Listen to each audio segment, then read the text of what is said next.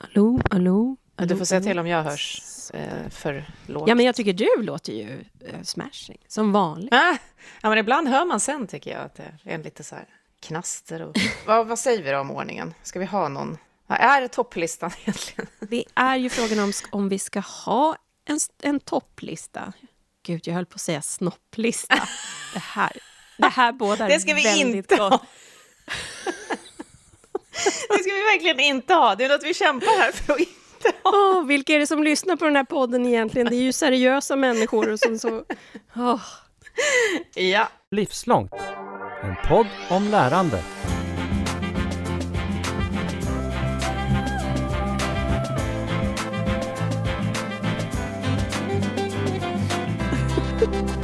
Nej, men vi har ju tio avsnitt här, va? Eller tio delar som vi gärna vill eh, prata om för att de har varit eh, på något sätt eh, gett ett signum till livslång. Vi kanske ska ta dem bara i en ordning och sen så ser vi om det blir liksom ordningen helt enkelt. Är det bra? Ja, Ja.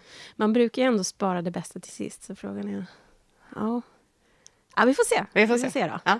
Ja. Hur kan det här vara vårt hundrade avsnitt, stod jag och tänkte på i morse. Vi tänkte liksom, ah, någon är kanske lite intresserad, vi pratar lite lärande. Och sen händer det här. Man vet liksom aldrig vad det här livslånga tar vägen med. När man fyller hundra, får man inte ett brev från kungen då? Jo, det får man ju. Ja. Då är det frågan vem som är kungen i det här sammanhanget.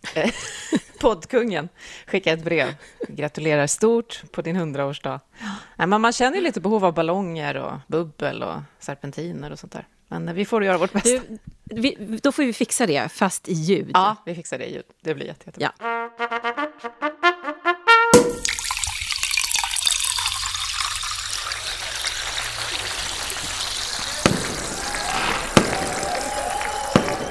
Men du, du var inte med helt från början, men så har du lyssnat i kapp. Eh, bara jättekort så här. 99 avsnitt. Vad skulle du säga har hänt med podden? nej, men alltså jag bara säger så här, nu har inte vi sagt vilka vi är. Nej, det kommer, tänkte jag. Hur tänker du början här nu? Ja, men, eh, jag heter Katarina Pietschak och jag brukar höras i den här podden. Och du heter Sandra Löv och är vår producent. Precis, brukar inte höras i podden, men jag jobbar med varje avsnitt. Ja. Verkligen. Och då har du ju följt den här 99 avsnitt långa resan. Så det var därför jag blev nyfiken. För du, det, när du inte var med helt från början och så vet du nu hur vi pratar om hur vi vill att det här ska bli och vara och sådär. Vad har vi gjort för resa, skulle du säga? Jag tycker ändå att själva podden har varit ganska konsekvent. Alltså att det inte har skett så mycket resa i själva podden, vilket jag tycker är väldigt häftigt och väldigt bra. Eh, för att det innebär att ni eh, gick in på en hög nivå och fortsätter hålla en hög nivå. Ja, Och sen, men sen så tänker jag, för att jag känner ju att jag har haft en egen resa under den här äh, gången. Jag har ju ändå klippt, ja, jag vågar inte ens tänka efter, jag har ändå klippt merparten av avsnitten. Eh, och jag kan inte säga att livslångt lärande var en st- stor och prioriterad fråga för mig. Men eh, det här har ju varit en fantastisk kurs. Jag är ju så utbildad i de här frågorna nu så att eh, jag börjar ju nästan själv bli expert. du kan åka ut och föreläsa. Ja, det, vi kanske inte ska ta i, men Nej, men och det är verkligen, alltså vi har ju sagt det så många gånger, det där med att vi tänkte att ja, men vi vill fördjupa det här, samt vi, vi har ett behov av att prata om det här, för vi hade det då, till skillnad från dig, som så här nördigt eh, intresse och det vi håller på med hela dagarna ju. Men sen all respons, jag måste bara säga det igen, det är inte klokt. Alltså, bara tack för all uppmuntran och feedback och tips och, och för att ni vill vara med, ni som lyssnar här. Eh, för att det är ju hela grejen med den här podden, att eh, annars så hade vi ju aldrig firat 100 avsnitt idag, kan man väl säga. Vi har pratat om en del utvalda eh, sektioner och det handlar inte om, ni är fantastiska alla gäster som har varit med i Livslång. Det här handlar lite om sådär, vad karaktäriserar det som, som vi har sett rör sig på hela området livslångt lärande under de här, det blir ju då nästan snart två år.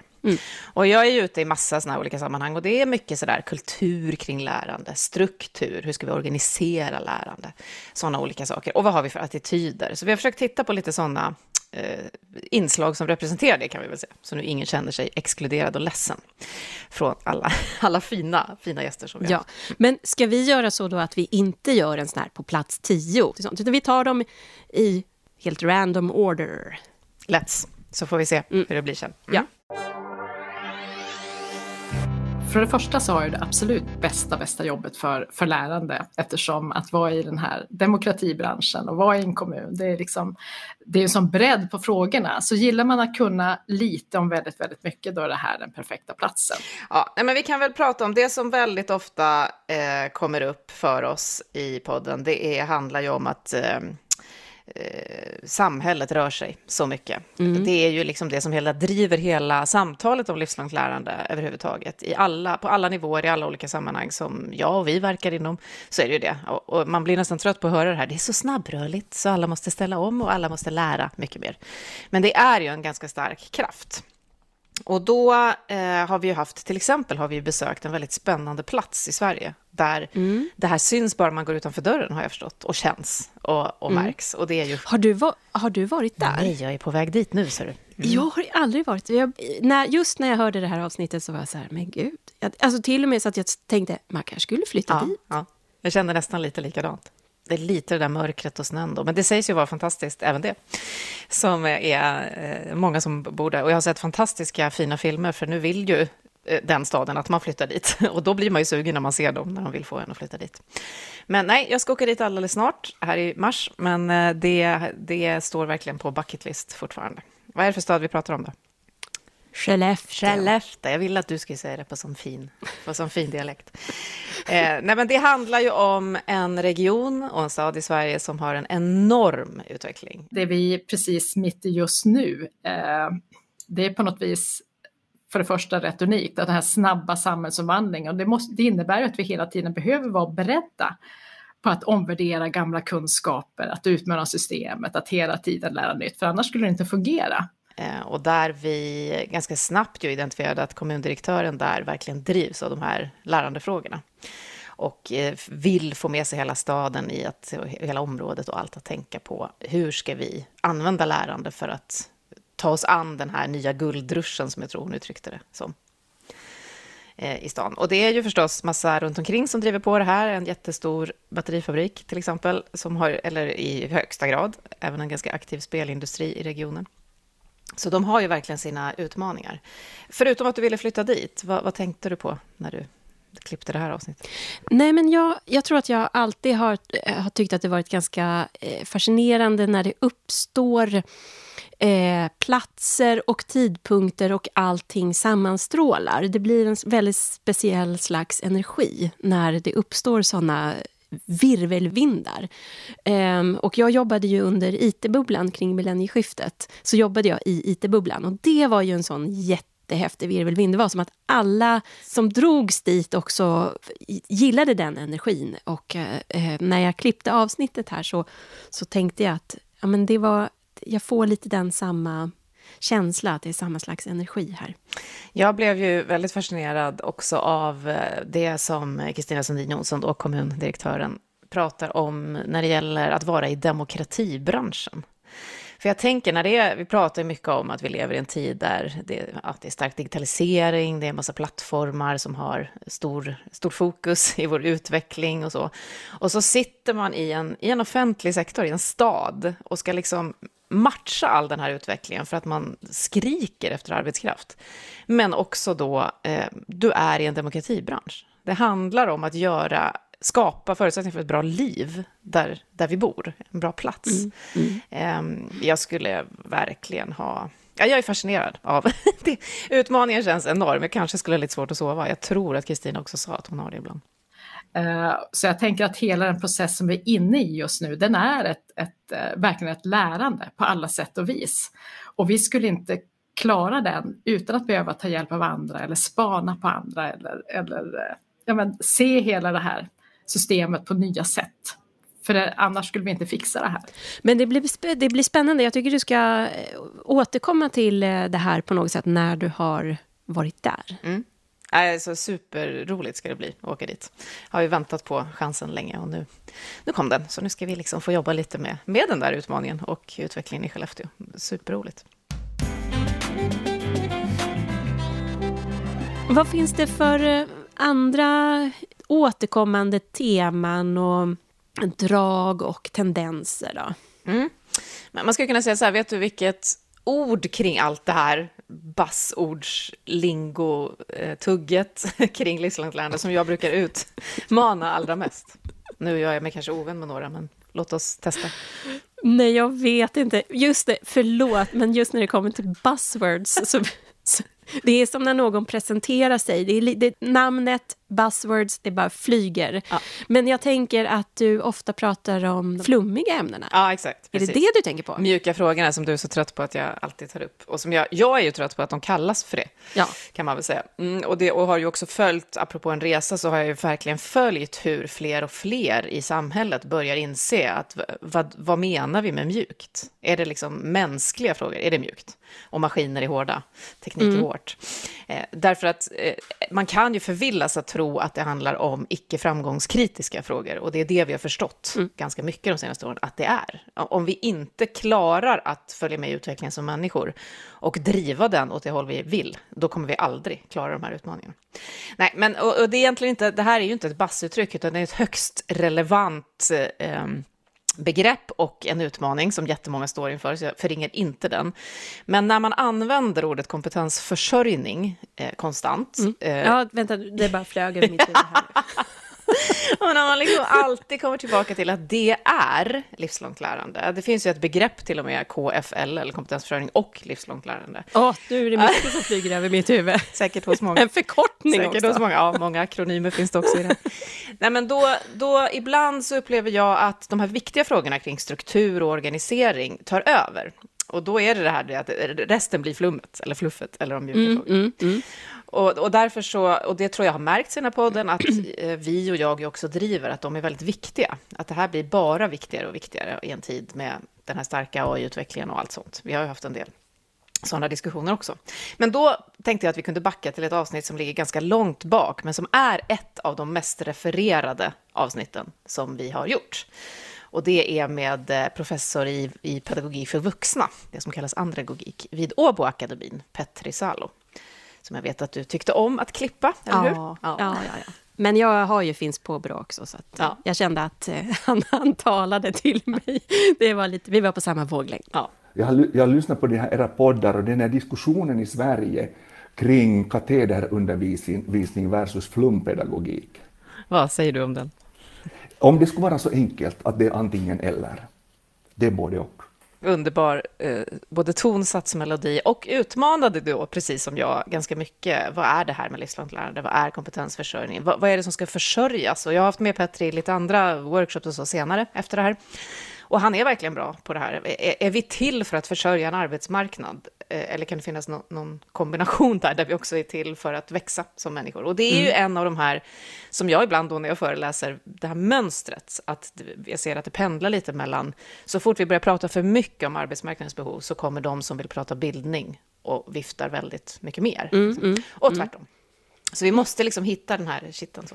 Men Petri pratar ju om olika slags kompetenser när man är människa och jobbar. Och det var ju någonting som, som verkligen fastnade fint hos många.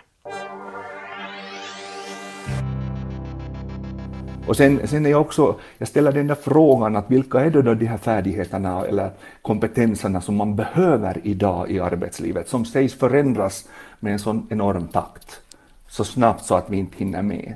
Är det, är det också bara en yta? Är det sån här utförande kompetenser som vi i princip kan lära oss relativt snabbt att hantera all teknologisk apparatur? Hur är det med sådana här mera allmänna generiska kompetenser och, och det här som jag kallar för varande kompetenser som handlar just om att, att för att kunna utföra ett gott arbete hållbart och som ett gott resultat så måste du på något sätt veta vem, själv vem du är. Mm. Ja, det här med alltså varande kompetens, jag tänker ju på det hur ofta som helst efter, efter Petri. Jag vet inte hur det är med dig, förutom dialekten i det här innehållet, Sandra. Men alltså, jag tycker att det är vackert och det är eh, liksom högst relevant på något sätt. Att vi är. Mm. Jag tänkte ju annars mest på Petris andra kommentar, som just för mig var sådär väldigt tydlig, klar, finsk, finlandssvensk. Ja, det var no bullshit. Ja Det, det, är inte svårare än så här. Jag vet precis vad du menar. Jag började ju skratta första gången han sa det till mig. Jag tror att det var i samtalet innan vi spelade in. Där han sa att äh, lösningen på allt du frågar efter är studiecirkel. Jag gör det lite så där, jag förenklar. Det ska vi göra idag för att man ska kunna uttrycka sig kort och kraftigt. Eh, det är en ny gammal benämning på studiecirkel. Vad är det i studiecirkeln som, som finns som är, som är det vi far efter här? Alltså det där, eh, den nordiska, ganska långt svenska gestaltningen av studiecirkel, att människor, vuxna människor kommer samman, delar med sig av sin erfarenhet och genom att dela med sig försöka förstå den, lyssnas på andras delande av erfarenheter, speglar det och sen tillsammans försöker tänka till, förstå bättre, utveckla sätt att fungera bättre utan att liksom tappa människan i de här, låt oss säga, fast arbetsprocesserna. Och, eh, och jag skrattade högt och han bara, varför skrattar du? jag, jag skojar inte. och sen vet jag att andra har ifrågasatt det, att prat i kvadrat har vi haft någon annan gäst då som har sagt och sådär. Men mm. jag tror inte att det var det Petri menade, utan att om vi inte hittar de här ytorna för att tillsammans både vara och göra och klura ut hur vi ska utföra alla våra utmaningar framåt, så, så är ju liksom studiecirkel ett format som är för oss i Norden väldigt känt och eh, som vi tappar lite. Vi har liksom separerat det från att jobba. Mm. No bullshit, vad, vad, tänkte du när du hörde studiecirkel? Det är bara att göra. Mm. Att det känns, för mig känns det ganska finskt att man löser det bara. Mm. Medan i Sverige så ska man prata runt det. Det, det blir den här konsensusgrejen. Eh, så att jag bara mm. hörde Petri och kände, ja, det är väl bara att göra. Ja, jag har aldrig hört så många prata om studiecirkel som efter det här. Vet inte om vi ska ta åt oss äran för det, men på riktigt så är det verkligen, har kommit upp som en sån här, det kanske vi kan, vi kanske kan få till studiecirklar på jobbet. Men du eh, Katarina, finns det någon gäst eh, som har uttryckt sig på något sätt eller som bara fick till så här pangcitat eller bara någonting som du bara, japp, bra, det här tar jag till mig. Det, jag skulle säga att det finns ganska många faktiskt som jag då... Egentligen finns det ju något i varje avsnitt, men någonting som ja, står ut lite extra. Ja, nej, men det har varit många sådana. Eh, det, bara på sistone så kommer jag ihåg att vår Cecilia Bichel, som är vår enda återkommande gäst, har ju också sagt att vår arbetsmiljö är vår lärmiljö. Och det låter kanske inte som något superpunchigt, men det är något som stannade med mig för att det är så ofta som vi separerar. Mm. Men sen har vi också en gäst som vi då, återigen backar en bit bak i tiden, som är Nej, men hon är så cool. Igen, det är många gäster. Men det är, man kan tänka sig att om man är professor eh, och jobbar på KTH med studenter i interaktionsdesign så skulle det kunna se ut på olika sätt. Professorer är ju olika. Mm. Eh, men det här är en sån riktig, eh, tillhör kategorin rockstjärnorna tror jag. Eh, för att, eh, det, att, att börja med att fråga då hur hur man skapar förutsättningar för kunskap och, och, lärande och vad egentligen det är och vad som har påverkat, hur man ser på vad är lärande. Och så får man ett svar av Kia Höök då på KTH som handlar om klimakteriet.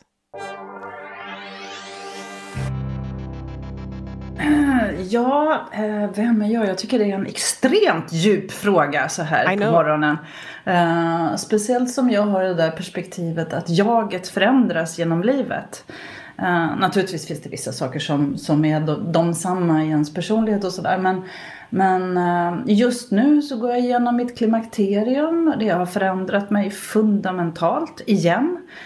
Um, jag är en farmor och jag uh, rider på hästar. Och jag, så beroende på vilken prisma av mig du tittar på så ser du kanske olika saker och ett jag i förändring hoppas jag. Men jag vet inte om frågan var mer det här formella. Vad, vad gör du för någonting på jobbet? Och då är jag ju professor. Minns du något från Kia? Ja, med Kia så, så minns jag faktiskt starkast när hon talade om att um, när studenterna kommer till henne och de har gått igenom hela grundskolan och gymnasiet så måste de lära sig att vara kreativa igen. Yeah. De måste bli lite mer som förskolebarn. Mm. Ja, och det är ju något som... Alltså varje gång jag hör sånt så känner jag så himla mycket igen mig.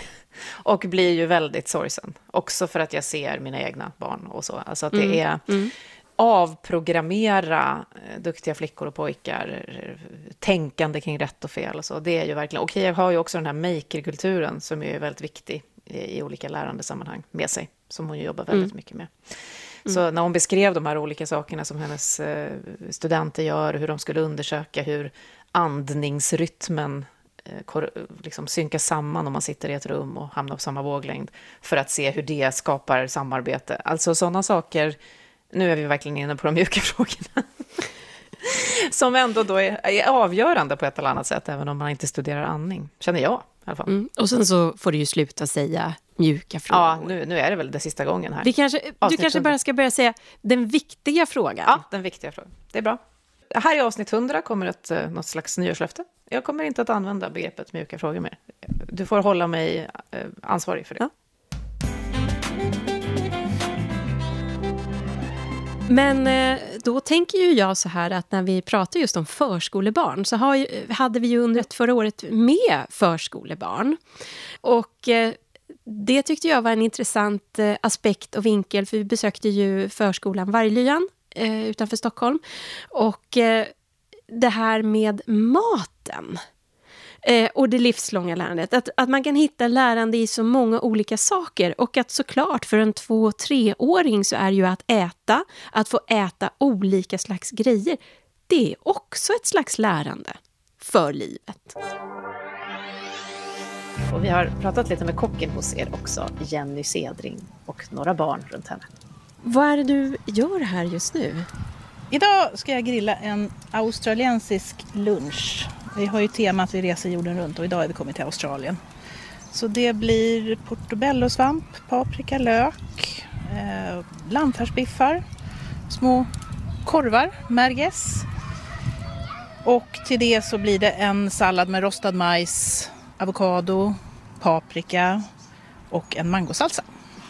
Så det blir lite, lite mer exotiskt än vad vi är vana vid. Tycker ni att Jenny lagar spännande mat? Ja, vi har ritat maträtter. Får ni prova mat här som hon lagar som ni kanske inte provar hemma? Ja du.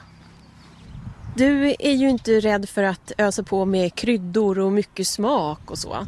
Och att det, det märks att de eh, faktiskt lär sig utav att eh, äta din mat?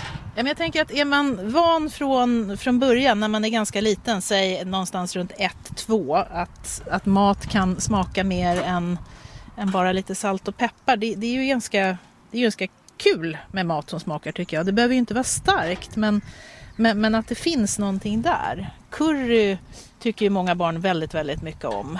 Eh, jag vräker ju inte på med chili och allt för mycket ingefära och sånt som verkligen gör att det bränner i munnen. Men, men jag tycker att mat ska smaka. Vad tycker ni om Jennys mat här på förskolan? Bra. Bra. God.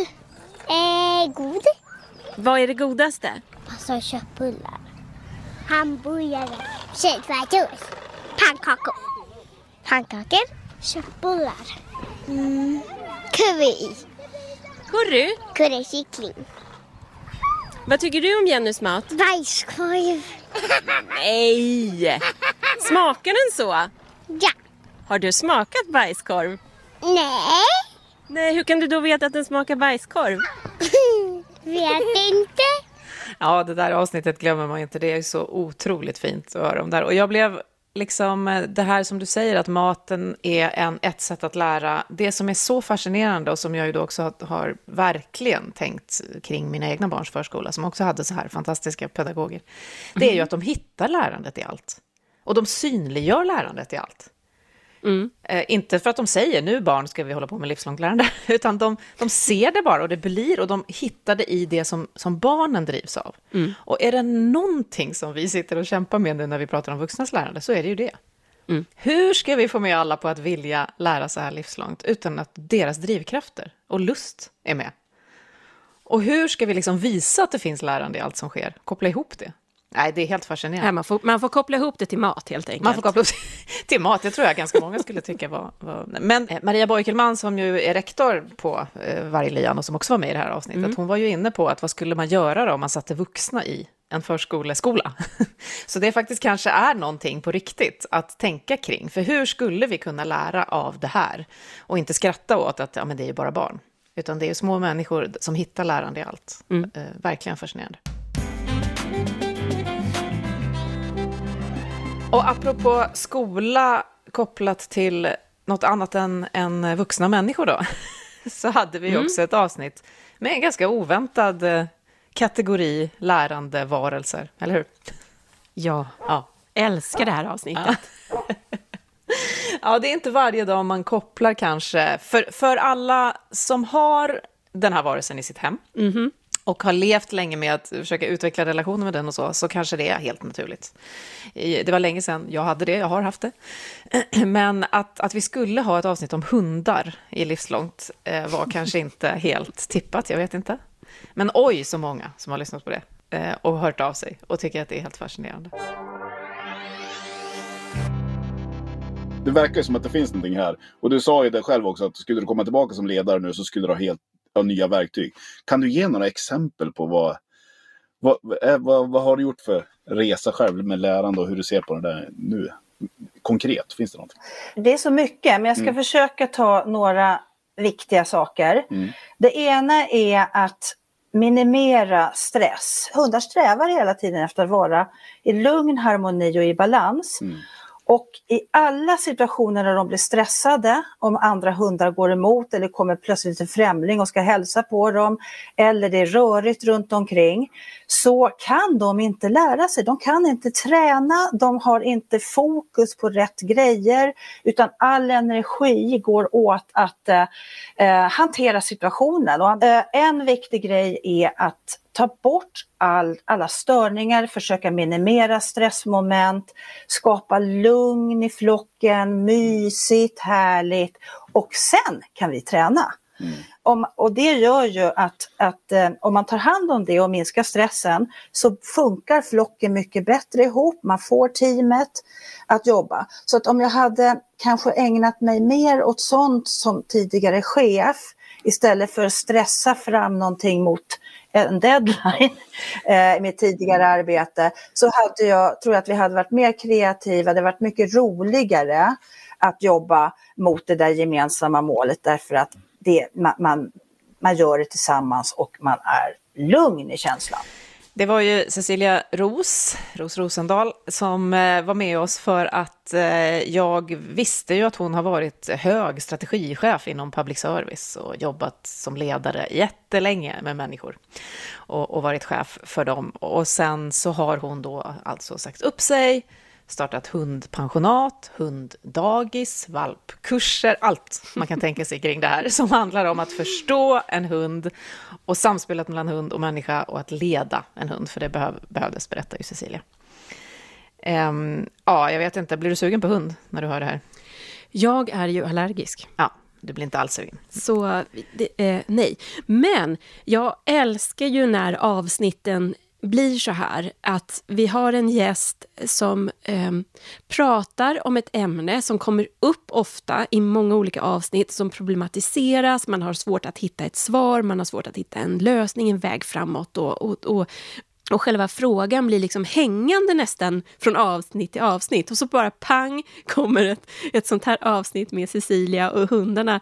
Och plötsligt ser man, ja, det är väl klart att skulle man tänka på hur den här krångliga arbetsgruppen, om det skulle vara en hundflock, man kanske inte ska jämföra hundar och människor så, men plötsligt så bara vidgar det sig och så bara, ja, här borde ju alla gäster som har suttit och problematiserat detta, de borde ju bara höra det här avsnittet och, och, och, och, och se vad de kan lära sig från de här tankarna. Ett väldigt eh, otippat populärt avsnitt tänkte jag vi skulle ta upp nu. Eh, mm. Men då undrar jag egentligen varför tänker du att det är otippat? För ibland så, jag som är på många sätt en total novis på utbildningsområdet. Jag tänker att de som lyssnar är, har säkert det här lite som specialintresse. Så att de kan, lyssnarna kan egentligen mer än vad jag kan som sitter och klipper det här materialet, även om jag nu då snart har en examen i livslångt lärande. Så, ja, det har du verkligen. så, så tänker jag att det här avsnittet var ju ja, men jag behövde det här avsnittet för att jag behövde få det förklarat för mig. Mm. Och ibland så är våra avsnitt så att, att man nästan förväntas ha en, en nivå. Även om man snabbt kommer in i det och lyssnar, lyssnar bra, så det här avsnittet behövdes verkligen. Egentligen otippat, dels kan det ha att göra med mig. Därför att det här, nu rör vi oss på det här strukturella, organiserade. Så här, mm, vill vi prata om det? Det vill vi såklart. Sjukt viktigt eh, som en del av det hela. Men otippat på det sättet att det var så många olika eh, vad ska jag säga, slags människor, alltså olika, som finns på olika ställen i samhället som hörde av sig. Från min mamma som inte jobbar längre och som eh, tyckte mm. att det var helt fascinerande, till då, eh, ja, men jag tror höga tjänstemän på olika mm, ställen, mm. som tyckte att det här är ju, det är så otroligt viktigt, och jag vet ju att det här är en het fråga just nu, både i Sverige och i EU, och att vi pratar enormt mycket om det, och den är viktig för många av oss, även för mig, ska jag verkligen säga. Eh, mm. Det vi pratar om är ju eh, varför, eh, eller hur vi ska organisera lärande på ett annat sätt när det nu är livslångt över hela livet och vad som gör det viktigt. Och det var då min kollega Björn Flintberg som är eh, digital strateg på RISE som pratade om mikromeriter. Men mikromeriter är en slags bevis på saker du kan. Vi lär oss massor med saker hela tiden och eh, det resulterar ibland i det som då kallas vanliga meriter. Och vanlig merit kan vara allt ifrån ditt körkort till eh, dina grundskolebetyg. Och när man då tittar på hur utbildning och lärande ser ut, framförallt i yrkeslivet, så blir det ju uppdelat ofta i kortare kurser. Vi gör ju inte så längre att vi lär oss allting de första 25 åren av våra liv och sen jobbar vi i samma yrke. Det var länge sedan det såg ut på det sättet. Nu sker ju lärandet hela tiden. Behoven bara ökar och vi måste lära oss mer. Och det gör också att vi behöver kunna dokumentera det lärandet på ett bättre sätt än idag. För vi har faktiskt inga stora system som tar hand om allt det lärande som sker.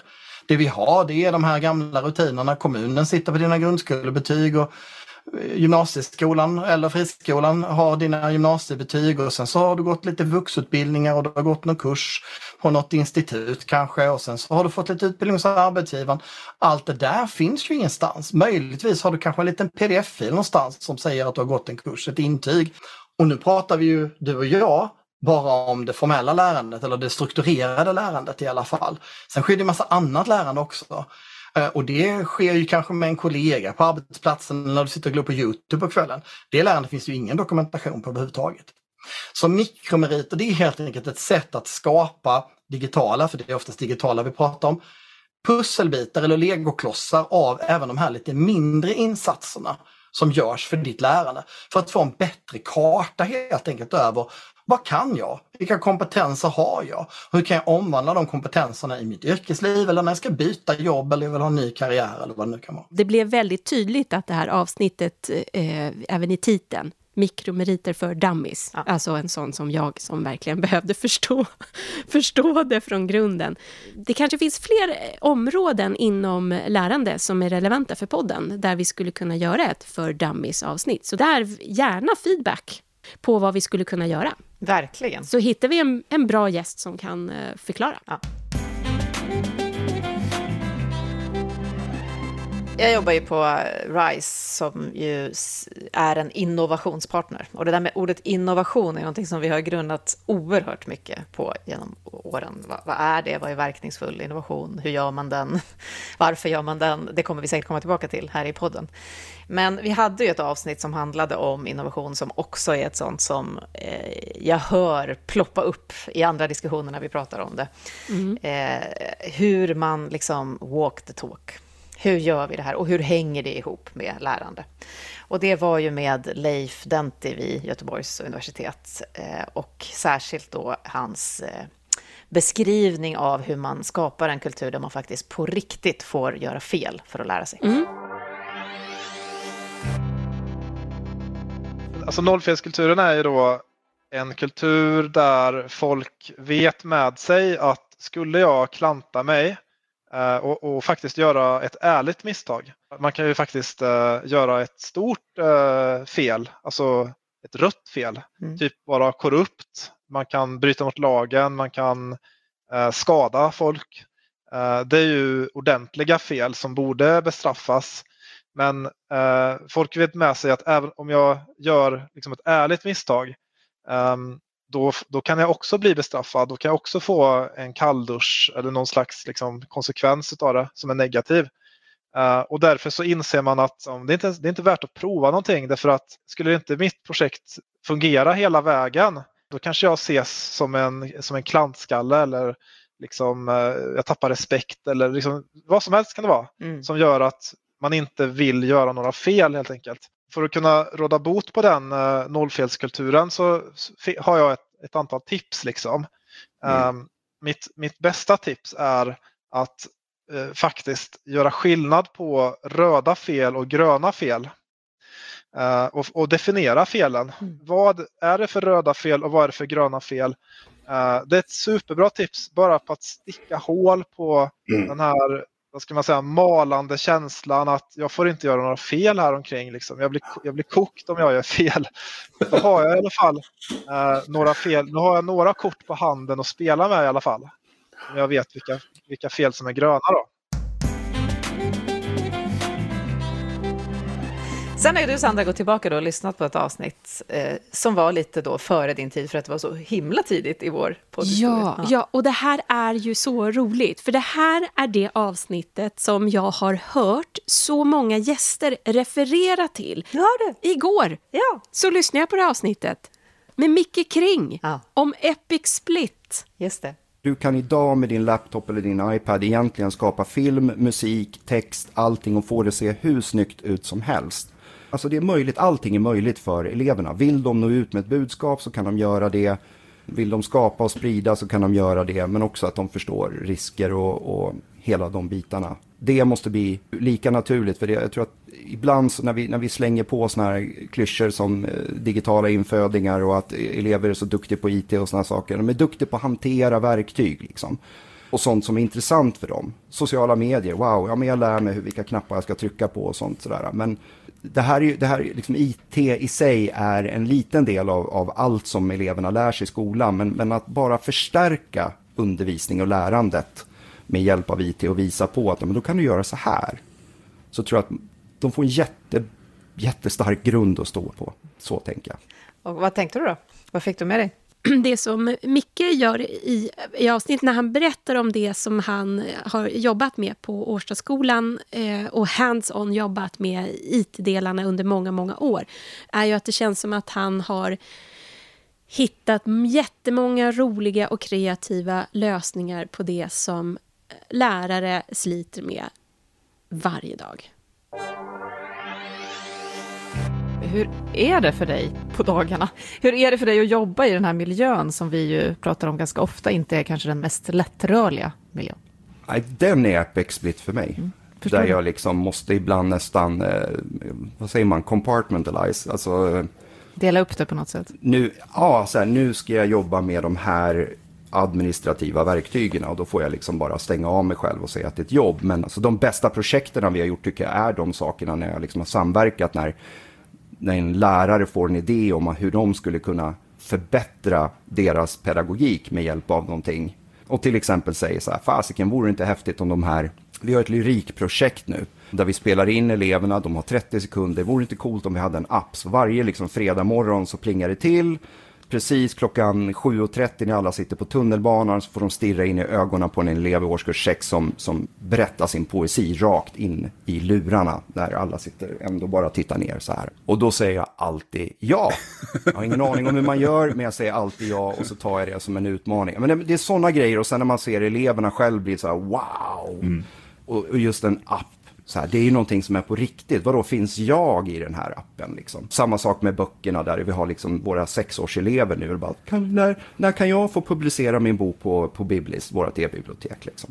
För att de har äldre elever som kommer ner och läser sina e-böcker för eleverna. Så att, liksom, där blir det någonting. Och då, vi pratar om det här med delandet även hos eleverna, att de får vara liksom autentiska, inte bara så här provskriv en roman på tio sidor och så nålar vi fast den på klassrumsväggen, utan helt plötsligt så kan farmor och farfar läsa den där, låna ner den, eller barn från andra skolor och de kan skriva liksom recensioner och så. Det blir, det blir riktigt på ett helt annat sätt. Ja, Micke är ju det som heter IKT-pedagog som ju då eh, stöttar med, vad ska man säga, den här tillämpade ITn i skolan som vi har varit inne på i andra sammanhang också. Eh, han är det några dagar till när det här publiceras faktiskt, för sen blir han kollega till mig. Så kan det gå. Det är Mm. inte tack vare podden, utan det är bara så det kan bli. Det är vi väldigt glada för, för den här innovationskraften som det innebär att förstå, idag är det ju en stark diskussion om digitaliseringen i skolan, och den handlar ju ofta om helt andra saker än det Micke pratar om här. Så Mm. vad är det här med IT i skolan och vad kan det vara? Är ju vad vi tar fram här i det här avsnittet. Och det är ju en enormt viktig diskussion för framtiden, tänker jag.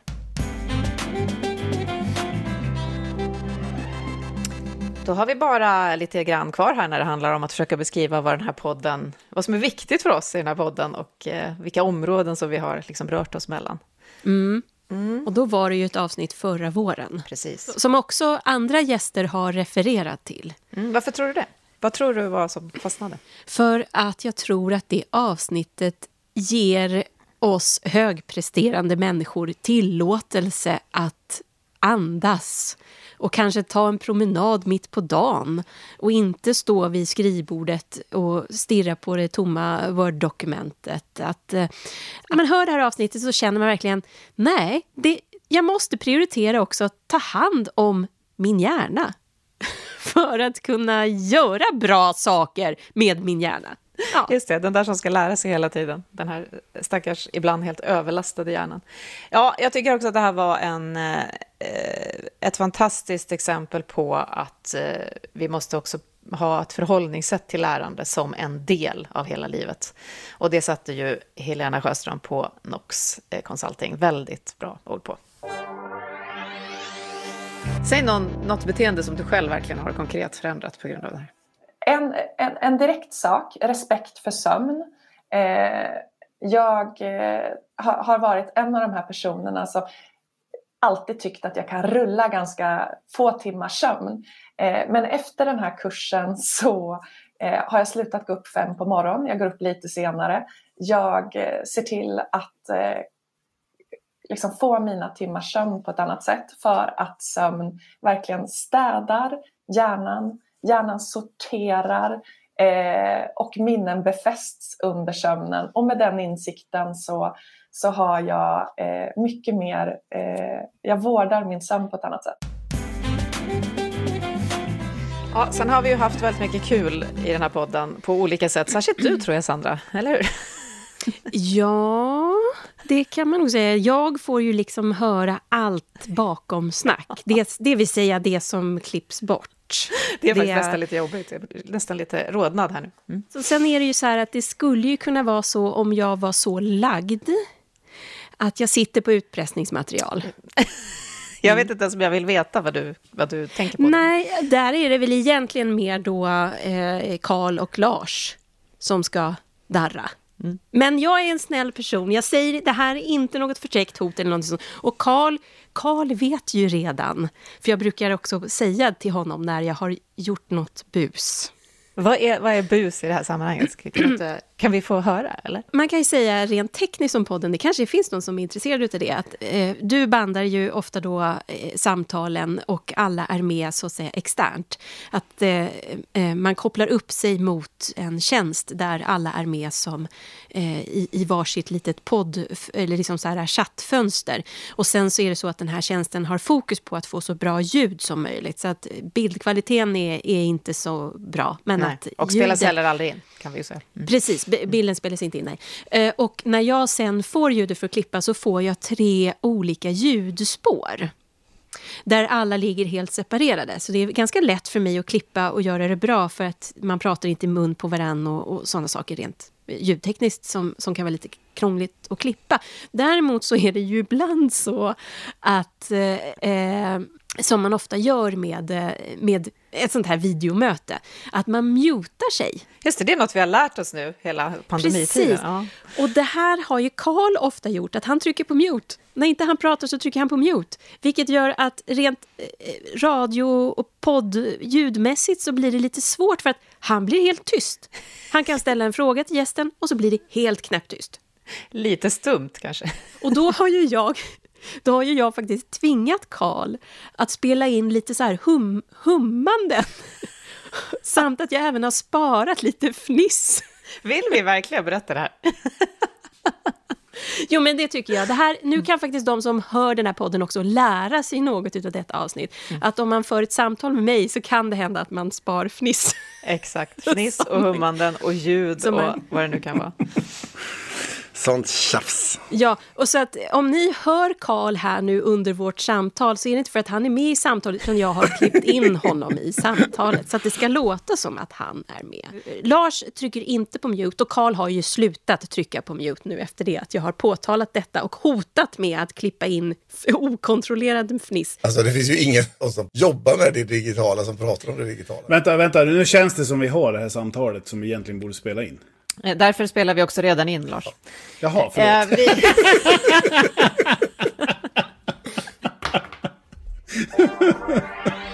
Jag är sån superproffsig poddare. Mm. Ja, det här är ju Carl Heath och Lars Lingman, mina trogna eh, vapendragare, kanske man inte kan säga i det här sammanhanget. Co-pilots, kompisar, medresenärer under de här 99 avsnitten. Ja, Ska vi, ska vi snacka golden moments så är det ju det här. När Lars Lingman sjunger för att komma ihåg vad han har lagt sin bilnyckel. Det kommer jag faktiskt aldrig glömma. Så kan vi väl säga. jag lägger bilnyckeln i fickan. jag stänger av strykjärnet.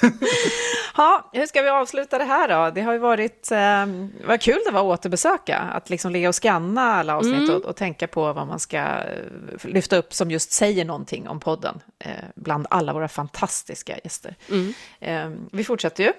Vi har ju nya inspelningar bara om några dagar. Ja, precis. Jag tycker att egentligen så behöver vi inte avrunda det här avsnittet, för det, det kanske nästan blir lite pompöst. Då känns det som en avrundning helt och hållet. För som precis. sagt, ja, vi kör ju bara vidare nu. Exakt, livslångt. Ja. Vi får se. Det är så att man känner att man vill göra avsnitt 200 på en gång här. Ja, det, du, det kommer säga swoosh och så är vi där. Som det gjorde nu till det här avsnittet. Ja. Vi hörs då. Ja, ja. det gör vi. Eller nästa vecka. Eller nästa vecka. Ja. Bra, bra. Ha det så bra. bra. Hej. Hej då. Du har just hört Livslångt, en podd från RISE om allt det där man lär sig i livet.